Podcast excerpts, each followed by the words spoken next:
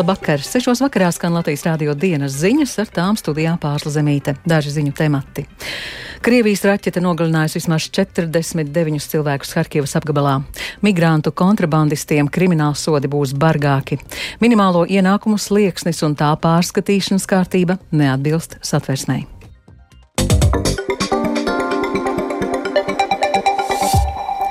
Krievijas raķete nogalinājusi vismaz 49 cilvēkus Harkivas apgabalā Horozas ciemā.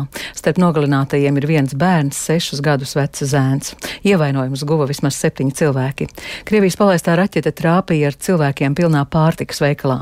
Ukrainas prezidents Valdimirs Zelenskis Krievijas raķešu triecienu raksturoja kā brutālu noziegumu un absolūti apzinātu īstenotu teroraktu.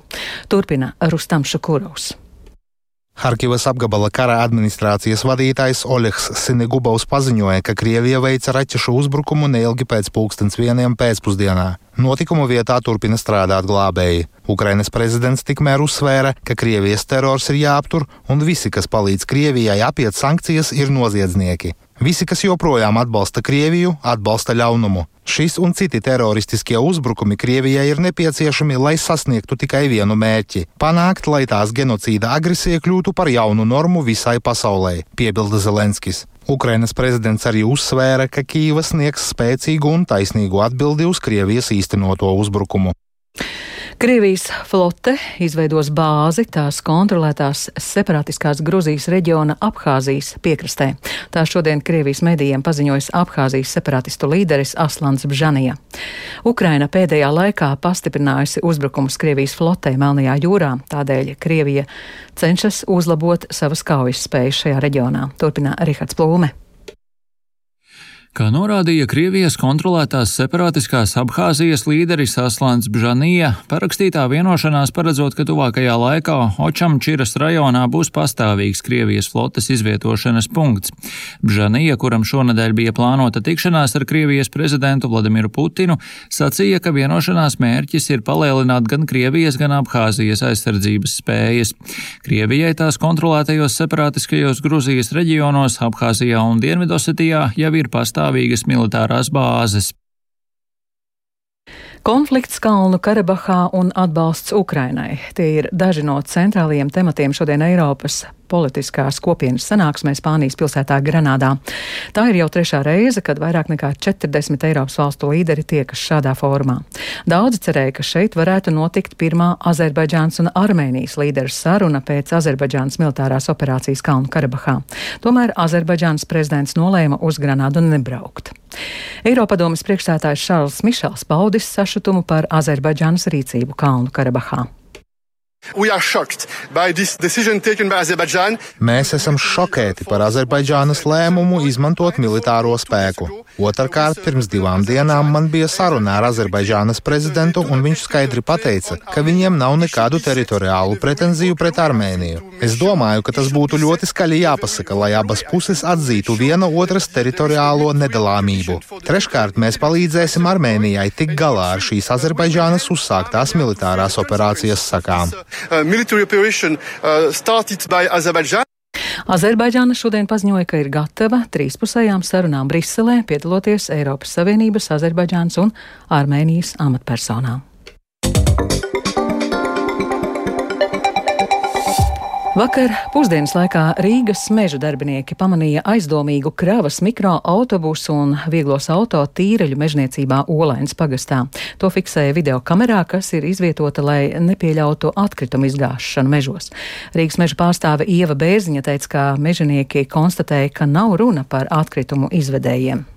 Jābūt gataviem reaģēt uz dažādām situācijām mūsu darbinieki pareizi reaģēja, proti, ka viņi laikus sūtīja visu informāciju tiesību sargājošām institūcijām, jo, nu, protams, mums tas nav tipisks gadījums. Mums tipiski varbūt būtu strādāt ar atkritumu izgāzējiem, nelegālajiem. Robežsardzē Latvijas radio noskaidroja, ka bēgļi Latvijas-Baltkrievijas robežu šķērsojuši pirms vairākām dienām un tālāk migrantiem kāds ir palīdzējis. Stāsta Rīgas dienesta pulkveža leitnants Gatis Rūža.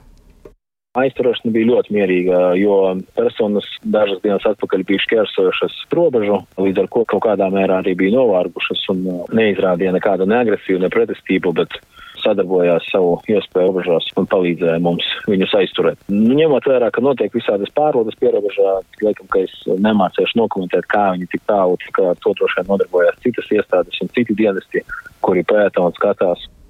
Robežsardze neatklāja sīkākas detaļas, tajā skaitā arī, kas atradās vieglajās automašīnās, kas ceļoja kopā ar mikroautobusu. Sots par migrantu grupu pārvietošanu pār robežu un Latvijas teritorijā jau drīzumā būs bargāks.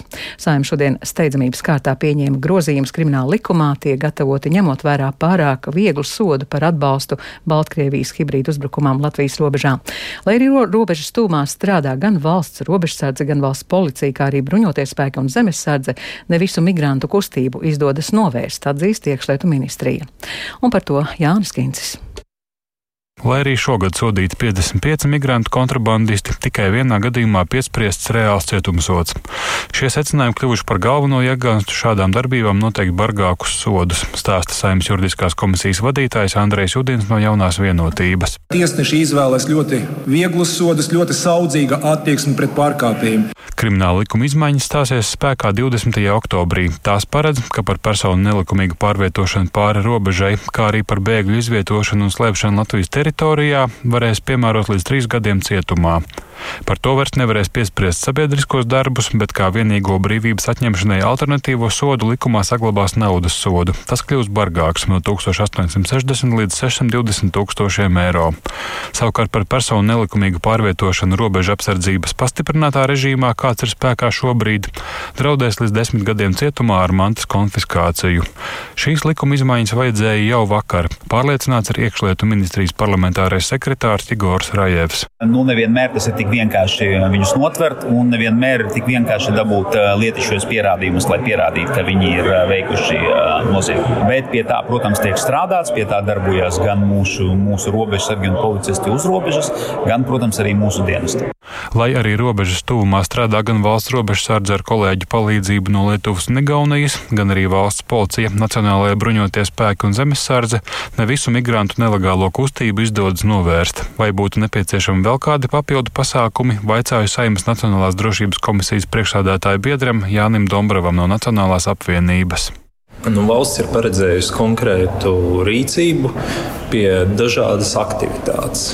Tas, ko es varu teikt, ka, protams, simtprocentīgi nezinu, vai izdodas visus gadījumus izķert.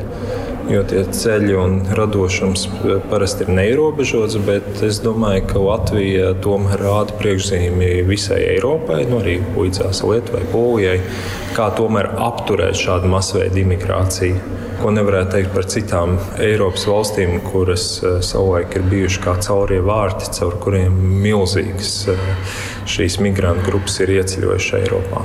Saimas deputāta atbalsts bargākām sankcijām migrantu kontrabandistiem bija vienbalsīgs. Jānis Kincis, Latvijas Radio. Minimālo ienākumu slieksnis un tā pārskatīšanas kārtība neatbilst satversmei. To secinājusi satversmes tiesa. Jauns regulējums saimai jāpieņem līdz 2025. gadam. Līdz šī gada jūlijam likums noteica, ka garantētais minimālo ienākumu slieksnis ir 109 eiro, bet šogad normatīvi mainīti un šis slieksnis ir palielināts, kā arī plānots to pārskatīt biežāk. Taču satversmes tiesa lēmus, ka arī jaunā atbalsta kārtība neatbilst trūcīgo iedzīvotāju pamatvajadzību nodrošināšanai saimai. Runās atversmes tiesas priekšsētājs Aldis Laviņš. Attiecībā uz jaunajām apstrīdētajām normām jāņem vērā, ka saimai ir jāpieņem jauns, proti, tāds tiesiskais regulējums, lai minimālo ienākumu slieksnis kopā ar citiem sociālās drošības sistēmas pasākumiem nodrošinātu trūcīgām personām cilvēka cieņai atbilstošu dzīvi. Turklāt izmaiņas ir jāsaskaņo ar valsts budžetu nākamajam saimnieciskajam gadam. Tādēļ izskatāmajā lietā ir nepieciešams un pieļaujams tas, ka satversmē neatbilstošās normas vēl noteiktu laiku paliek spēkā. Šobrīd ienākumu minimumu rēķina 20% apmērā no visu iedzīvotāju vidējo ienākumu rādītāju, ko centrālā statistikas pārvaldība gadu apseko, un tie dati kļūst pieejami tikai katra nākamā gada februārī. Labklājības ministrijā skaidro, ka šos jaunākos datus uzreiz nevar izmantot budžeta pieņemšanas procesa dēļ. Stāsta ministrijas pārstāvēja Viekūla. pirmais iebildums, ka tie dati ir vispār neaktuāli. Nu, un otrkārt, protams, ir arī tas iebildums, ka valsts vispār nav sareiķinājusi, cik tad cilvēkam reāli būtu tās minimālās vajadzības mēnesī, jo deputāti ieskatā arī jaunās normas nu īsti nav adekvātas. Nu, manuprāt, katrs var pateikt, vai var izdzīvot ar 125 eiro mēnesī.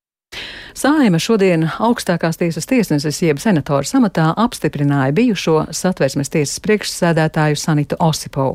Par Osipovu nobalsoja 51 deputāts, bet pret 41. Divi deputāti balsojumā atturējās. Osipova šim amatam tika virzīta atkārtot pēc tam, kad iepriekšējais saimnes sasaukums bija negaidīti noraidījis viņas kandidatūru.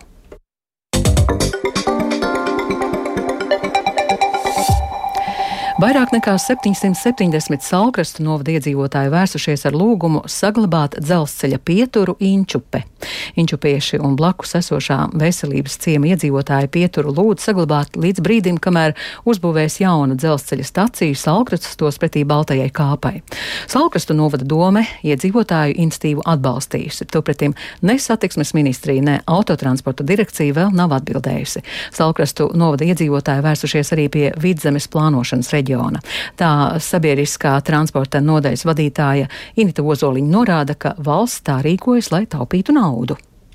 Arī pieredze rāda, ka šāda iniciatīva bieži vien neiet kopā ar tālāko transporta izmantošanu. Manuprāt, jau savākto parakstu skaits un iedzīvotāju iniciatīva šajā brīdī parāda to, ka šī stacija nepieciešama un ikdienā tiek izmantota un tiks izmantota. Tomēr nu, jābūt skaidrai sarunai būt ar iedzīvotājiem, autotransporta direkciju, pašvaldību un citām institūcijām, jo uzskatu, ka iedzīvotāju darbības rezultātā lēmums iespējams tiks mainīts, bet, nu, jāsaprot arī, ka iedzīvotāji tā tad ir līdzatbildīgi ar šo savu iniciatīvu. Un vēl par sportu. Latvijas futbola izlases galvenais treneris Dainis Kazakevičs saprot, ka līdzjutēji un sabiedrība ir neapmierināta ar viņa vadītās komandas sniegumu, taču to labot var vienīgi ar labu sniegumu laukumā, šodien pauda speciālists. Pirms nākamnedēļ gaidāmajām Eiropas čempionāta kvalifikācijas spēlēm ar Armēniju un Turciju Kazakevičs pirmo reizi uz izlasi izsaucis Bogdanu Samoilovu un Oskaru Vientiesu. Tomēr noskaņojums līdzjutēju un futbola lietpratēju vidū pirms abiem mačiem ir pesimistisks. Kazakevičs Kazakevičs aicina turpināt atbalstīt komandu arī krīzes brīdī. Ir pilnīgi normāli tas, ka tiek pausta neapmierinātība. Tā nav patīkama situācija priekš mums, un mēs negribam kaut ko tādu piedzīvot. Bet man kā runām baigi daudz ko līdzēt nevar. Te ir vienkārši reāli jālabo tā situācija futbola laukumā ar, ar, ar sportisko rezultātu un jāpierāda, ka, kad mēs spējam iepriecināt mūsu līdzjutējus gan ar spēli, gan ar rezultātu. Tas, ko es gribētu pateikt līdzjutējiem, ir tikai tas, ka Droši vien, ka šajā grūtajā brīdī viņi var mums palīdzēt. Nu, pamēģinām visu kopā 12. oktobrī Skonto stadionā izcīnīt tādu kopēju lielu uzvaru.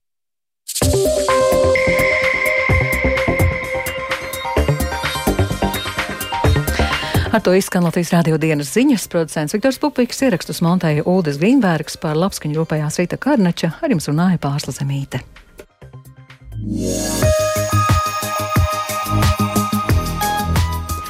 Latvijas vidas geoloģijas un meteoroloģijas centrs informē Rīgā pat labam 12 grādi. Dienvidrietumu vējš 4 m2, gaisa spiediens 750 mm, gaisa relatīvais mitrums 94%. Bet kāds laiks gaidāms turpmāk, prognozē sinoptiķe Ilze Golubēva. Gan piekdien, gan arī brīvdienās laikapstākļus vēl aizvien noteiks ciklona darbība, līdz ar to laiks būs vējains un arī lietains. Piektdienas naktī vēsas lielā daļā valsts 1 plus 2 plus 7 grādi, valsts austrumos zāles virskārtā arī iespējama sālna. Dienā temperatūra sasniegs plus 10, plus 15 grādus, bet dinamiskākie laikapstākļi gaidām tieši sestdien, kad piekrastē vēja ātrums brāzmās sasniegs pa 27 m2 un ir gaidām arī spēcīgi nokrišņi, tāpat iespējams arī negatīvi negaiss. Svētdienā laiks kļūs nedaudz mierīgāks, bet nakts atkal būs vēsa un zāles virskārtā gaidāma sāla. Dienlaikā temperatūra nepārsniegs plus 10, plus 12 grādus.